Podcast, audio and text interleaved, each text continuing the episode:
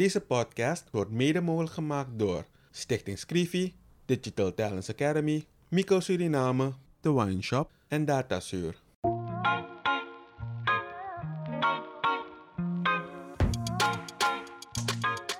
In een ontspannen sfeer praten journalist Kevin Hadley en challenger Vincent Kenswell met verschillende personen over de uitdagingen en de kansen van hun werkgebied. Samen proberen ze door oplossingsmodellen te bespreken positieve ontwikkelingen op gang te brengen.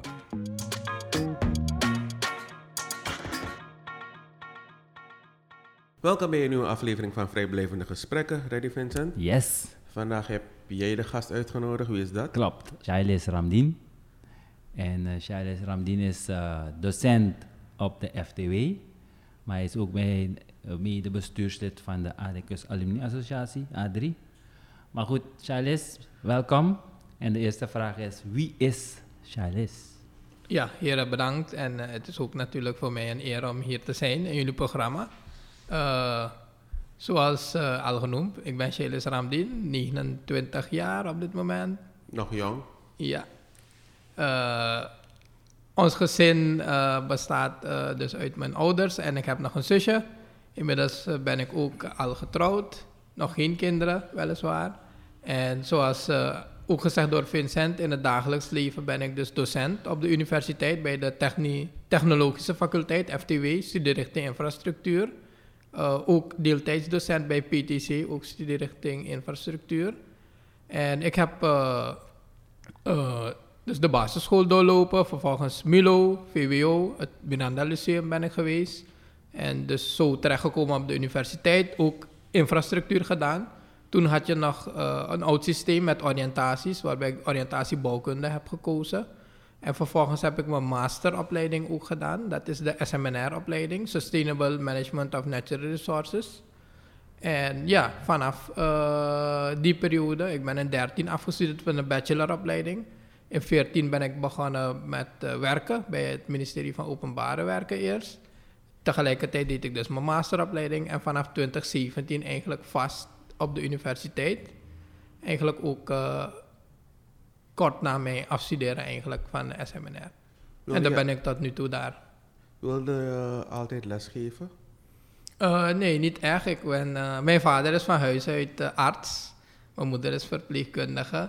En natuurlijk wordt dus altijd vanaf kleins af werd dan die link gelegd van hey, je gaat ook in die richting op. Maar ik heb eerlijk gezegd, ik heb wel altijd het een leuk beroep gevonden. Maar ik had ook altijd in mijn achterhoofd eh, die passie voor de technologische faculteit. Eh, en dan bedoel ik echt met tekenen. Ik hield altijd van tekenen, ook vanaf kleins af. En als je mijn oude tekeningen nog bekijkt, altijd hield ik ervan om huisjes te tekenen.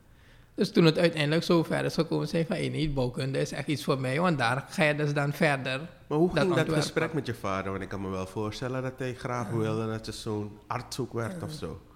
Nee, nee, niet echt hoor. Dus nadat ik echt eh, ben geslaagd bij Lyceum, toen heeft hij me gewoon gezegd van, hey, je moet kiezen wat jij leuk vindt, wat jij wil gaan doen, waar je je thuis moet vullen, want je gaat je hele leven lang daarmee bezig moeten zijn. Precies.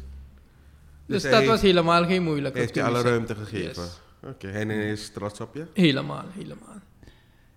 Um, heel interessant, want zoals jullie weten heb ik zelf ook op FTW en bouwkunde gedaan. Eigenlijk dezelfde studie als Shailes. Alleen doe je er niets meer mee? Um, niet inderdaad, niet zo fysiek. Ik ben toen inderdaad digitaal gaan bouwen. Dus het internet, websites en al dat soort dingen. Het is bijna hetzelfde principe.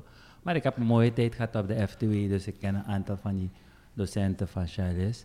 Maar ik wil toch even teruggaan inderdaad wat je zegt van... Je hebt een vrije opvoeding gehad, je mag kiezen. En je bent niet aan, heb je de lagere school Mulo vlot doorlopen. Charles van toen, wat waren je hobby's, wat deed je? Want je bent nu vrij actief, want daar gaan we naartoe straks. Ehm, kan je nog een beetje herinneren, wat vond je toen leuk? Toen Ja, je dus, kind eh, was. Eigenlijk als kind kan je zeggen was die opvoeding niet zo echt vrij als bij de anderen. Ik was eh, bijvoorbeeld eh, meer thuis, om het zo te zeggen. Ik- Je wordt afgezet op school, je wordt afgehaald op school. Dus wat we meer deden in, in mijn vrije tijd, ik, ik en mijn zusje, is gewoon meer binnenshuis bezig zijn. We hadden toen al, weet je, die toen de ouderwetse computers, die ouderwetse games. Eh, eventueel eh, wat fietsen en zo, dat deden we ook in de buurt en zo. Maar niet echt dat ik veel tijd in mijn jeugd heb doorgebracht na school, bijvoorbeeld bij vrienden of ergens. Nee. Weet je, het was altijd een beetje, een beetje beschermd. Beschermd. Bij de Hindustaanse families zie je dat toch wel veel terugkomen. Maar niet dat ze me echt hebben belet hè, om bepaalde dingen te doen, maar gewoon, ze willen je altijd onder eh, het oogvizier hebben, toch? Dat Ja, je ja. dicht bij hun bent. Je mag niet te ver gaan of zo. Dus je was niet in verenigingen, sportverenigingen Nee, of zo? toen- toen voetbal, niet, toen niet. zwemmen, Nee, dat nee, soort dingen deed niet. je niet. Oké. Wanneer wel? Eh, eigenlijk is het meer begonnen op de universiteit. Van de universiteit, dan heb ik dan wel, ik bedoel, je hebt de ADEC Games, je hebt de studentenverenigingen. Ja, dat is een hele belevenis, ADEC. Games. Dus dat is eh, sowieso. eh, toen daar is een beetje, je kan zeggen, meer vrijheid ontstaan. Op het lyceum ook, dus de VWO, dus meer als de schooltrips en dat soort dingen waren. Dan, Mocht dan mocht ik dan wel gaan en zo. En op de universiteit ook, vooral bij infrastructuur, heb je veel van die veldbezoeken, ook meerdaagse veldbezoeken waarbij je moet overnachten. Maar ook daar was het geen probleem. Dus die, de ouders hebben toen ook ingezien van, hey, het is tijd om los te laten. En dat is toch makkelijk gegaan. Dan ga ik een eh, vrij passige vraag stellen. Waar, ehm, hoe heb je je vrouw ontmoet? Via de vereniging. Ik zit ook eh, als lid bij vereniging Arja de Waker. De meesten eh, kennen de vereniging wel. Onze hoofdmandir tempel is aan de Wanika-straat, overkant van Kerpalani. Ja, iedereen kent eh, Dus die eh, tempel. ja, daarnaast hebben we ook nog 21 andere afdelingen. Ik ben nu in het hoofdbestuur zelf, dat is de hoogste orgaan.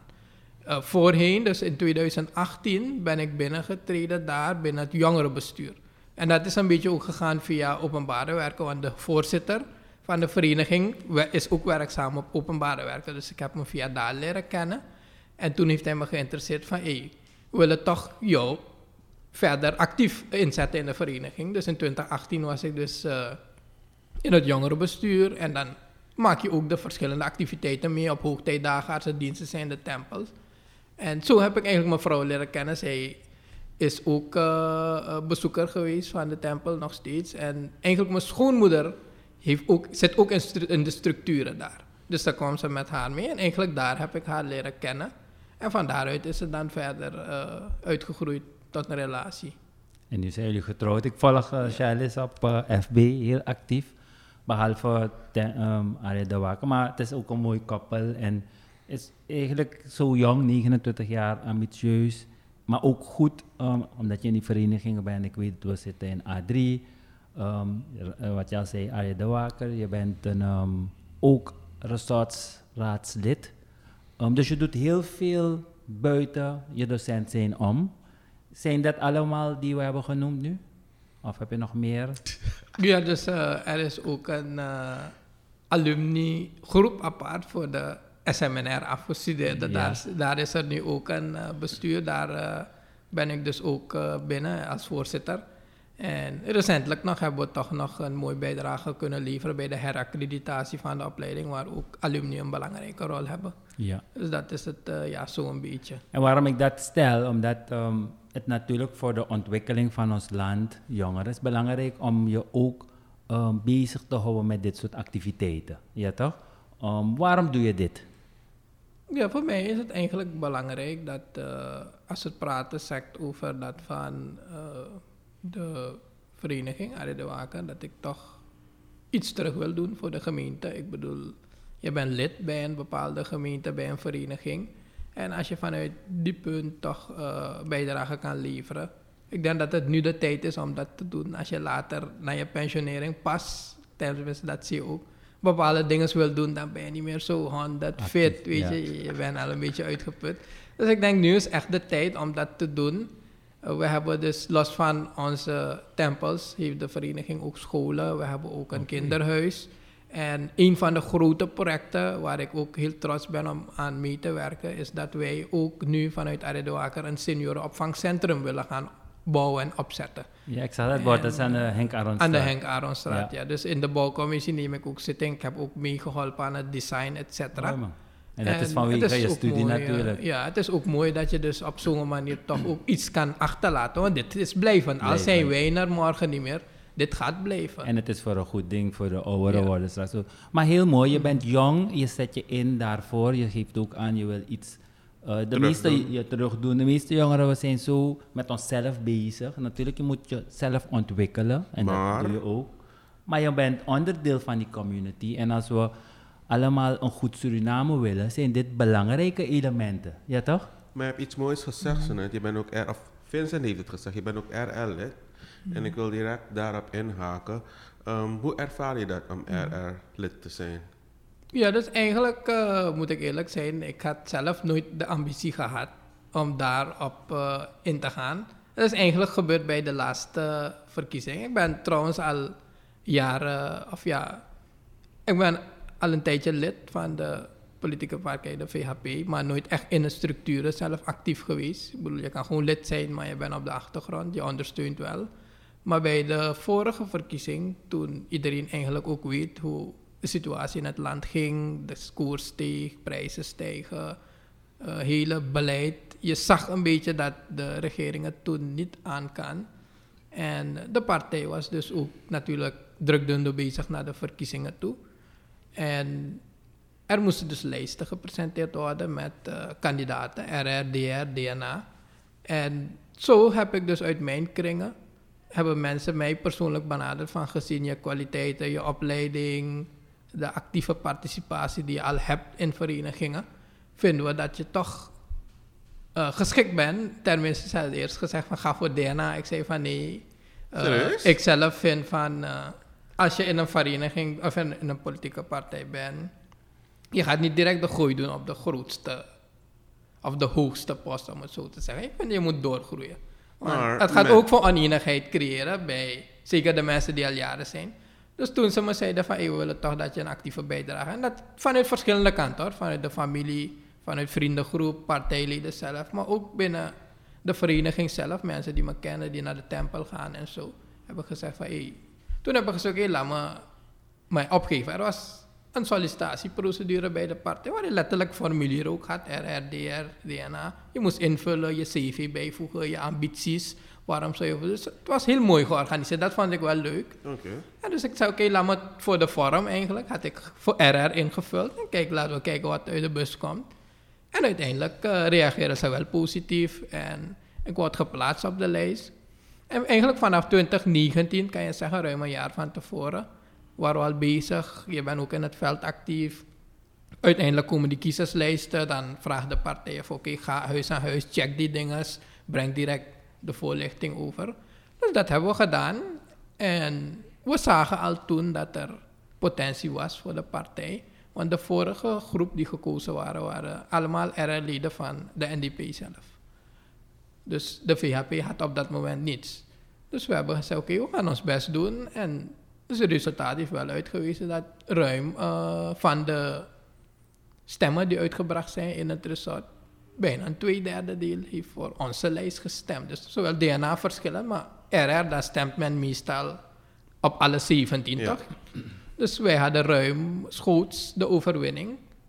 En als je zo'n gro- grote eh, toevertrouwen naar je krijgt, moet je daar ook eh, proberen het beste van te maken. Dat de mensen ook niet na vijf jaar gaan zeggen van ja, we hebben mensen daar gezet, ze hebben niets gedaan, ze hebben het salaris genomen maandelijks en we hebben niets gemerkt. Dus toen heb ik ook gezegd, samen met onze voorzitter, die ook heel gedreven is, dat we toch moeten proberen binnen de vijf jaren dat we gekozen zijn, iets terug te kunnen doen voor ons resort. Al zijn het kleine projectjes wat we doen, bijvoorbeeld op scholen wat donaties doen, of bepaalde zaken, of ja, wegen die eh, aan slechte staat toe zijn, eh, lozingen die opgehaald moeten zijn, dat wij een beetje de correspondenties op nahouden met OE. Dat soort zaken, dat men ziet dat je bezig bent. We hebben ook een Facebook-page speciaal daarvoor aangemaakt, dat de mensen van het resort ook zo in contact kunnen blijven. Zeker in het begin met die COVID kon je Ja. niet echt huis aan huis, je kon mensen niet ontvangen, dus meer via de Facebook. We hadden een e-mailadres die nog steeds actief is. En om het ook voor de ouderen, die een beetje niet zo in het social media gebeuren zijn, hebben we ook in het resort op twee plekken brievenbussen geplaatst. Dat men ook op ouderwetse manier met brieven hun klachten deponeert. En dat we het van daaruit dan werk van kunnen maken. En de systemen werken. Er wordt ook positief gereageerd, ook van andere soorten, van andere buurtbewoners die elders wonen, horen we dat we goed bezig zijn, dat we soms zelfs de resortsraadsleden van hun resort een beetje moeten aanmoedigen. Dus het is wel trots dat je op zo'n manier ook die grani krijgt, weet je. Ja. Je Dat, zegt eh, dat ja. ehm, het systeem werkt, naar jou zeggen. Ehm, hoe werkt het? In die zin van, want bij andere resorten heb ik niet het idee dat ik weet wie de eh, resortsraadsleden zijn. En jij bent misschien actief. eh, jij bent, eh, je hebt er bewust voor gekozen, hoor ik ook net. En je gaat er echt voor. Maar anderen zijn gewoon op de lijst geplaatst, bijvoorbeeld bij hun partij zijn binnengekomen. En dan zijn ze klaar voor vijf jaar weer. Werkt dat systeem echt? Kijk, dus eigenlijk als je bekijkt, eh, er zijn twee dingen. Hè. Je moet sowieso de grondwet goed doorhebben wat zijn de taken en de functies van RRDLI. Dus soms wordt inderdaad veel meer op hun bordje gezet dan de wet eigenlijk voorschrijft. Oké. Maar daarnaast is ook belangrijk, eigenlijk kan er ieder makkelijk achterkomen over hun resort wie de RRD-leden zijn. We vallen allemaal formeel onder het ministerie van Regionale Ontwikkeling en Sport. Je zou makkelijk daar, er is een onderdirectoraat die zich sec daarmee bezighoudt. Kan je altijd navragen in mijn resort wie zijn de RRD-leden. Verder wordt het ook jaarlijks in het districtsplan eh, gepubliceerd, dat ook bij ROS ligt. Ze hebben ook een begroting natuurlijk. Trouwens, een deel van hun begroting moet eigenlijk terugvloeien naar de resorten, naar de districten, voor het uitvoeren van projecten. Daarnaast heb je ook de districtscommissariaten. Aantal resorten vallen dus onder de districtscommissarissen. Bijvoorbeeld DC Noordoost heeft vijf resorten onder zich. Waaronder dus Munder, waarvan ik eh, onderdeel van ben. Dus je hebt Blauwgrond, Reenfield, Munder, Beekhuizen, Centrum. Die vijf vallen dus ook op het commissariaat. Kan je dus bijvoorbeeld info eh, van ons inwinnen. En ook daar heb je dus het districtsraadskantoor, waar ze dus ook de info hebben. En feitelijk, veel mensen weten het ook niet, dat is bij grondwet ook vastgesteld. En de resortraad moet minimaal een maand één keer een vergadering beleggen, waarbij dus een notulen moet zijn, je, je zit tegen de presentie, dat moet naar ROS gaan. En Ja. feitelijk op basis daarvan maak je recht op die uitbetaling. Als je je notulen en je presentielijst niet inlevert, moet je niet uitbetaald worden. En los van het feit dat je dat moet doen, zijn die vergaderingen ook openbaar. Dus de buurtbewoners zijn daar ook vrij dat te bezoeken. Dus eigenlijk zou het bekendgemaakt moeten worden van hey, zo'n resort, zo'n dag is vergadering. En als de buurtbewoners klachten hebben, kunnen ze dan daar langslopen. Dus wij bijvoorbeeld, bedoel, wij nodigen wel geregeld buurtbewoners uit. Ze kennen ons, trouwens ook vanuit de campagne, eh, uit het veld. Men heeft ons nummer of via de Facebook of via de mail. En dan zeggen we ze, oké, kom zo een dag langs. En Kom, kom je probleem voorleggen. Of we maken soms een afspraak als het soms infrastructurele zaken zijn. Dan gaan wij in het veld en dan eh, maken we direct foto's. We nemen de info via de gesprekken. En dan kunnen we op ons beurt eigenlijk weer eh, brieven schrijven naar de instanties. Want eigenlijk dat is feitelijk het werk. Hè. Je moet zoveel mogelijk kijken in het resort. Wat zijn de problemen? Die moet je kunnen identificeren. En ja. de juiste correspondentie naartoe brengen. Wij zitten niet echt in de uitvoering. Maar eigenlijk meer in het toeziend oog, kan je zeggen, vanuit de regering. En dat is eh, eigenlijk hoe het zou moeten werken. Maar inderdaad, in alle resorten gaat het niet zo aan toe. Maar zoals ik al zei, het team van ons, wij hebben dus wel gezegd van... Hey, laten we toch proberen iets goeds te doen. En dat zeker die tevredenheidsgevoel bij het gemeenschap moet er zijn volgende verkiezing. Van, hey, ze hebben niet gewoon het geld genomen en niets gedaan. En de man Gueno, weet je. hebben toch iets gedaan. Ik, heb een paar, ja, ik geloof in het systeem en zoals je het hebt uitgelegd, ja, dat is geweldig. Zo is het ook. Het is ook de verantwoordelijkheid van de bewoner zelf, toch? Maar in dit geval, omdat de RR, het imago is nog niet daar. Dus het is heel goed dat, zoals jullie dat aanpakken, zelf die rekende hand of die communicatie doen naar de communities en natuurlijk het voorbeeld zijn. Wat ik heb gehoord is inderdaad dat je als RR van de VAP moest je solliciteren. Gold dat voor alle RR en alle districten? Was dat het systeem binnen de VAP? Binnen onze partij wel, ja, maar bij andere partijen... Nee, aan de partij. Ik wil het even voor het VAP. Dus het gaat erom dat niet. Maar dat, waarom ik het noem, omdat dat dus inderdaad ware democratie is. Ja, toch? Als je inderdaad Precies. vertegenwoordigers wil hebben als partij. Want kijk, in Suriname nu zitten we in een situatie waarbij heel veel is politiek. Er zijn nog, alles koppelen we aan politiek. En we zeggen politiek is vies of het is niet goed. Terwijl politiek nodig is om de maatschappij te organiseren. En daarvoor heb je vertegenwoordigers nodig met een goed hart, zoals Charles hier zit. Hij, heeft, hij is naar voren geschoven door familie, vrienden, eh, omdat je al werk, goed werk doet bij Aria de Waker. Ja toch? En, ehm, en dan word je bij de partij ehm, voorgedragen en dan moet je een sollicitatieprocedure. Procedure. Dat vind ik dus heel mooi. Dus dat is alvast één goed voorbeeld. En kijk, wij doen deze podcast om dingen zichtbaar te maken, maar ook anderen te motiveren, te inspireren.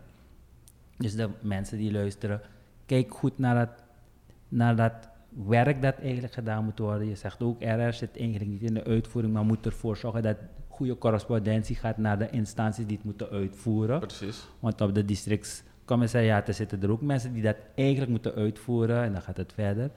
Maar dat is één deel. Wat ik wil, wil weten is van, ik weet dat Munder inderdaad heel goed werk verricht. En hoe kijken jullie als resortsraadsleden van die, dit resort naar andere resorten? Niet alleen maar per definitie jullie partijen, want er zijn ook andere resorten met andere partijen. Hebben jullie, hoe, is er daar ook een verbinding, een relatie? Hoe doen jullie dat?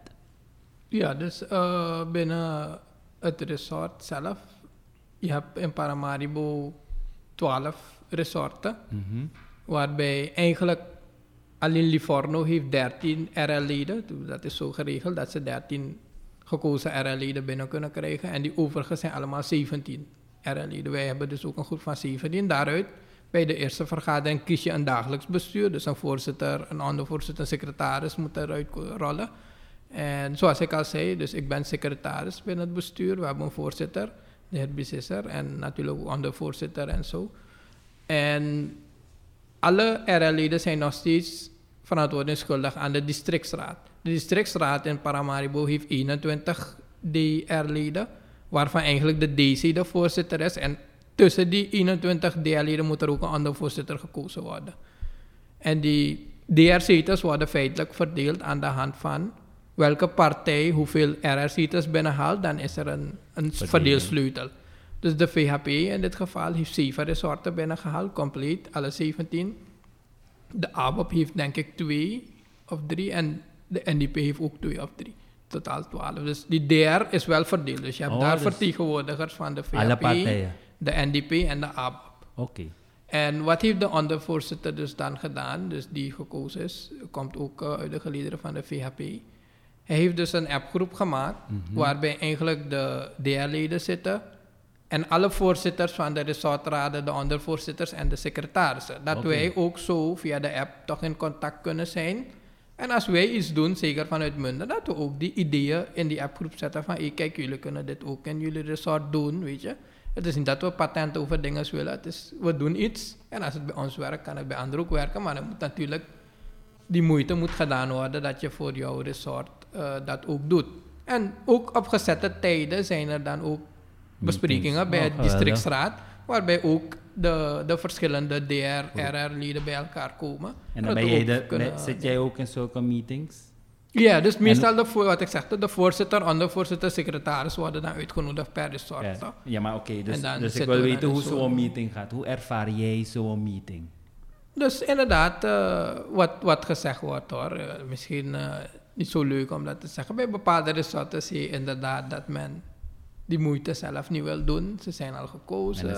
Ze doen het minimale wat Ja. gedaan moet worden. Ze nemen de salaris schadeloos stellen. Oké, je bent gekozen, je hebt er recht op. Oké. Maar je hebt wel andere resorten los van ons die wel eh, willen. Ja, maar ik heb het meer over, je bent in een meeting, toch? Er, waarschijnlijk is er een agenda. Hoe is dan de sfeer? Hoe, hoe gaan jullie met elkaar om? Zo'n meeting? Of, want ik neem aan dat jullie weer fysiek bij elkaar kunnen komen. Ja, Ik heb ja, gewoon ja. een beetje, Mhm. ik wil gewoon weten, zodat mensen ook weten van, een- dit systeem is opgezet ooit eens en het moet werken. En wat je zegt, het, het hangt van de verantwoordelijkheden af van de mensen die gekozen zijn. Ze moeten hun rol kennen, ze moeten gemotiveerd zijn, ze moeten op een juiste manier geleid worden. Maar ik, heb, ik wil toch weten van, hoe zit mijn, mijn vraag, laat me, het- laat me het anders zeggen. Mijn vraag is meer, werkt dit systeem? Is het een systeem waarvan jullie zeggen, ja, dit moeten we gewoon versterken, want het werkt? Ja, nee, dus kijk, het werkt wel. Als ook inderdaad de mensen die gekozen zijn in die rol van RR en DR met die motivatie en inzet het werk ook willen doen. Oké. Dan kan het wel. En denk je dat de bewoners van een resort een handje kunnen helpen om die motivatie op te krikken naar een niveau dat nodig is? Want je noemde ze net dat je het ook wel goed vindt als mensen, als je die grani krijgt, noemde je dus als je iets goeds hebt gedaan, dat je die feedback krijgt vanuit de gemeenschap. Vaak, je noemde ze net ook, er zijn brieven voor klachten, maar als gemeenschap kunnen we ook een, een keer een, een, een schouderklap geven aan de, de resortstraatsleden, toch? Ja, ja. Dus en, ik, ik, ik eh, stel deze vragen, nogmaals, deze podcast is om onze community, ons land beter te maken en anderen te inspireren om, om met een goede blik te kijken naar dit systeem. Want zoals we nu naar, je, jou luisteren, je bent RR, maar je bent ook in andere verenigingen en je doet dat met een bepaalde passion, met een bepaald inzicht, toch? Je stopt je tijd erin. En dus daarom stel ik die vraag van, jij gelooft in het systeem, je doet je werk. Hoe kunnen bewoners van de resort jullie werk ondersteunen en helpen, zodat het, dat jullie gemotiveerd blijven? Dus de grootste ondersteuning wat wij hebben gehad en nog steeds krijgen in het resort is zeker de, ja, je kan het noemen de beter gestelde. Die ondernemers en mensen die dus wat bedrijvigheden en zo hebben. Ons ondersteunen, zeker wanneer we die projectjes doen. Bijvoorbeeld, eh, kijk op, op de scholen, in Munder hebben we zes scholen. En in die afgelopen twee jaar, we hebben een target gesteld in het begin van hey, tenminste één klein project op een school in een jaar. Dus zo bijvoorbeeld hebben we dus, eh, zeker in 2020 toen die COVID pas was en je weet, toen was het van iedereen moet op tijd hun handen kunnen wassen. Dan de grootste aanvragen die binnen waren gekomen is dat diverse scholen, er was een gebrek aan wasbakken. De meesten hadden dus in hun klas bijvoorbeeld geen wasbak. Er was meer centraal, wil je ook niet te veel dingen.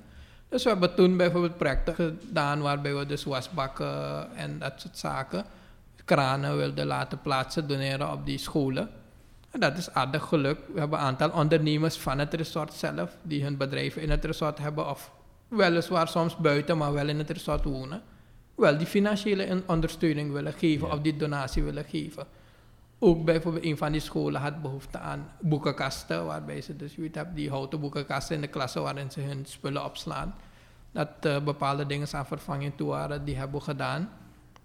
Maar ook in die afgelopen eh, twee jaren al hebben we zeker op bepaalde hoogtijdagen zoals uh, Vaderdag, maar ook eh, Kerst, Pagwa en Eid, drie verschillende feestdagen bij drie verschillende religieën, hebben we zulke, je kan zeggen, kleine eh, pakketjes, voedselpakketjes meer, eh, geprobeerd op te stellen.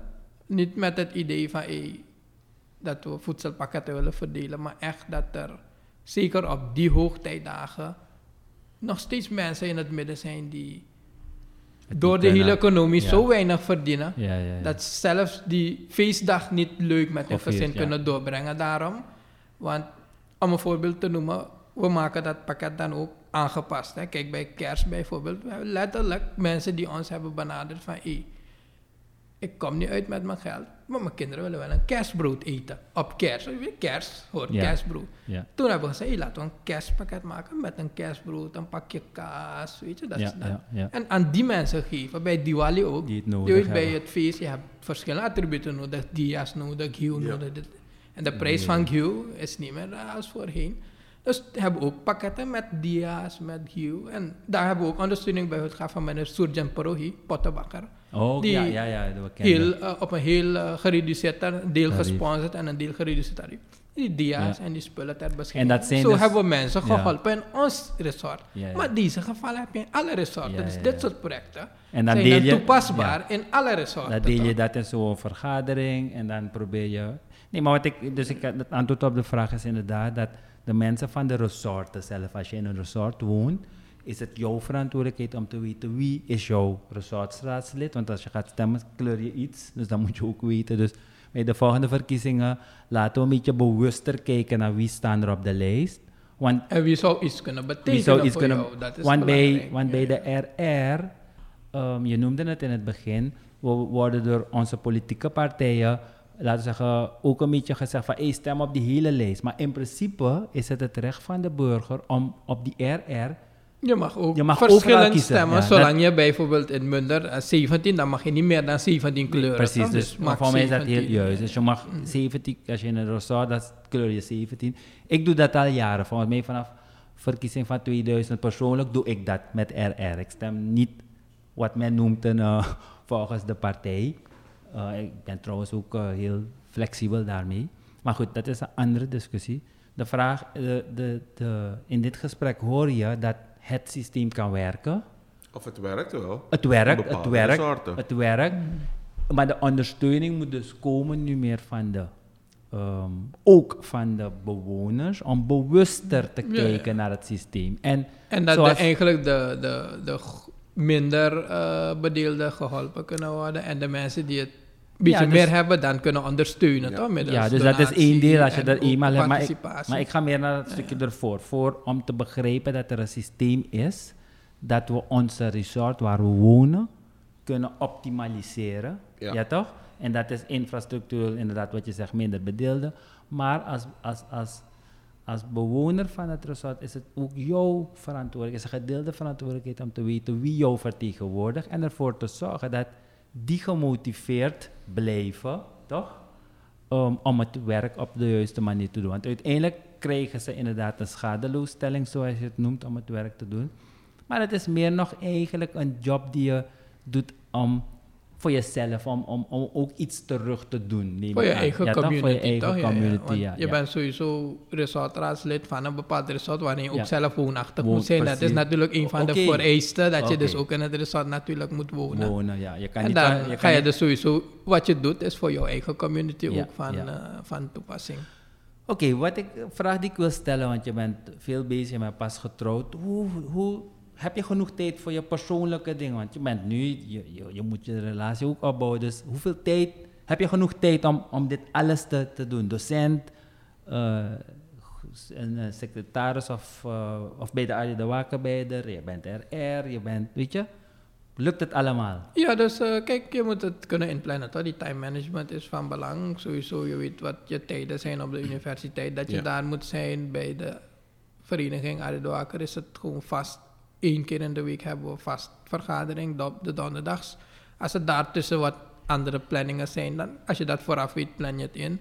Het resortraad, wat ik zei, wij hebben in plaats van één, hebben we gezegd, we hebben twee reguliere vergaderingen in de maand. Dat is op de dinsdag, de eerste en de derde dinsdag. Wordt gewoon ook op een van die scholen van ons gedaan. Dat het ook in het resort is toegankelijk, dichtbij voor een ieder. En daarnaast die bezoeken en dat soort dingen dat we in moet inplannen. Kijk, mijn vrouw bijvoorbeeld, ze werkt, dus ze is overdag sowieso bezet. Dat ik ook zoveel mogelijk kan inplannen overdag. Dat kan ik nog regelen bijvoorbeeld met mijn werk. En dan heb je eigenlijk in de middag dan wel die tijd voor, voor je familie, ook voor je vrouw, gezin, etc. En weekenden proberen inderdaad ook toch eh, meer eh, daarvoor te bestemmen. Je doet zoveel mogelijk alles door de week en dan heb je weekend Ja. wel vrij. Dat je toch nog leuke dingen eh, met elkaar kan doen. Want zeker die tijd, die aandacht is, is ook nodig. Dat, eh, want de Dus- personen die je ondersteunen, je vrouw, je ouders, je familie, je gezin, moet je sowieso Moet je- niet verwaarlozen. Ja. Nee, dus wat ik hoor is gewoon een goed time management, gedisciplineerd je werk doen. Ik vind dat eh, heel mooi. Ehm, wat ligt nog voor Charles in de toekomst? Dus Je blijft nog in ik- Suriname? Ja, ja, dus wat ik zeg, ik ben, ik heb een vaste baan op de universiteit, dat wil ik sowieso niet laten gaan. En doorgroeien sowieso, hogerop. eh, Ga je verder de- studeren? Of? Dus ik moet even nog kijken, kijk nu ben ik wel bezig eh, met de bouw van mijn eigen huis. Dat gaat sowieso nog wat eh, inertie en tijd vergen. Vooral energie. Ja, daarnaast eh, sowieso op een bepaald moment wil je ook een gezin gaan stichten. Dat, dat zie ik nog eh, sowieso in de toekomst. Binnen de vereniging, als ik praat, Arie de Waker, sowieso de vereniging we groter zien worden. En specifiek voor mij, hoe ik bezig ben met het project van seniorenopvangcentrum, dat, dat moet komen. Wat betreft eh resortraad, eh, we hebben tot 2025. Dus tot die periode wil ik mij sowieso inzetten. Wat in het ver, eh, verstek daarvan zit, weet ik zelf niet. Op zich, voor mij is één periode wel genoeg. En dan ga je daarna naar DNA, toch? Je zei je wil Nou. groeien. RRDR, of de RR. Ja, dus eh, het groeien ervan, dat is ook een beetje, de, een beetje gericht op het partijbeleid. Ja, ja. Natuurlijk moet je de kans ook geven. Natuurlijk moet ook Je moet die je huiselijke situatie moet je ook afstemmen. ja, wat ja. kan, wat niet kan. op dat moment, ja. Dus dat, eh, dat komt nog. mooi, Maar mooi. zou je dat willen? Maar eh, ik ben wel open voor uitdagingen. Dus met misschien een goede afstemming, dan zou het wel kunnen. Waarom niet? Ik bedoel, eh, we hebben ook zoveel altijd over klachten over onze DNA-leden. Maar ik denk het beste oordeel ga je pas kunnen vellen als je ook in die rol hebt gefunctioneerd. Kijk, ik had ook vroeger eh, ook heel veel op mijn aanmerkingen van over RR-leden. Van hey, je ziet ze niet, je kent ze niet. Wie Precies. zijn ze, wat doen ze, et cetera. En nu ik zelf in die rol ben, ga ik niet diezelfde comments over mijzelf door anderen laten. Daarna heb ik gezegd, hey, laten we zichtbaar zijn, laten de mensen ons kennen, laten die klachten ons kunnen bereiken. Dat we dat kunnen doorsturen. Zodat wij morgen netjes de mensen kunnen zeggen, kijk, je bent gekomen, je hebt je klacht gedeponeerd, we hebben het op de juiste manier bij de juiste instantie gebracht. En dat is het. Men moet niet gaan verwachten van ons dat we het probleem gaan oplossen. Maar we hebben wel bijgedragen dat het tenminste bij een instantie is terechtgekomen die er wat aan kan doen. Als je die mensen niet eens kent, je kan ze niet eens benaderen, dan gaat je probleem niet eens daar terechtkomen. Gaat er niet eens, is er niet eens hoop tot verbetering. Nu hebben we dat wel gecreëerd. Dus ja, van daaruit eh, wil ik even kijken. Het is allemaal nog een beetje te vroeg, denk ik, om, om over drie, Daarover vier jaren te- te ja. kijken. Maar je bent bewust de politiek ingegaan en daarmee, daarmee bedoel ik, heb je bewust ervoor gekozen om je aan te sluiten bij de VAP, om lid te worden daar, waarom? Kijk, dus eigenlijk eh, is het altijd al een beetje gesteld geworden toen dat tijd, weet je, de VHP, dat het meer eh, een Hindustaans-gerichte partij is. Dat was misschien in het verleden ook zo. Nu is het wel weliswaar wat anders. Maar waarom daar is eigenlijk, wat ik ook al zei, toch? Door de handelingen toen de tijd van de vorige regering had zodanig een bepaald beeld gecreëerd in de samenleving alsof ons land helemaal bergafwaarts zou gaan. En de, de partij, of ja, de groep die was gepresenteerd toen om een verandering aan te brengen, was dus de huidige president, voorzitter van de VHP, de heer met zijn eh, ja, team. En vandaar dat ik eigenlijk ook die pad ben opgegaan, omdat ik heb ook gezegd van kijk, je kan ook aan de zijlijn blijven staan klagen van het gaat niet goed en dit en dat, maar wat gaan wij zelf aan doen? Je kan er zelf ook iets doen.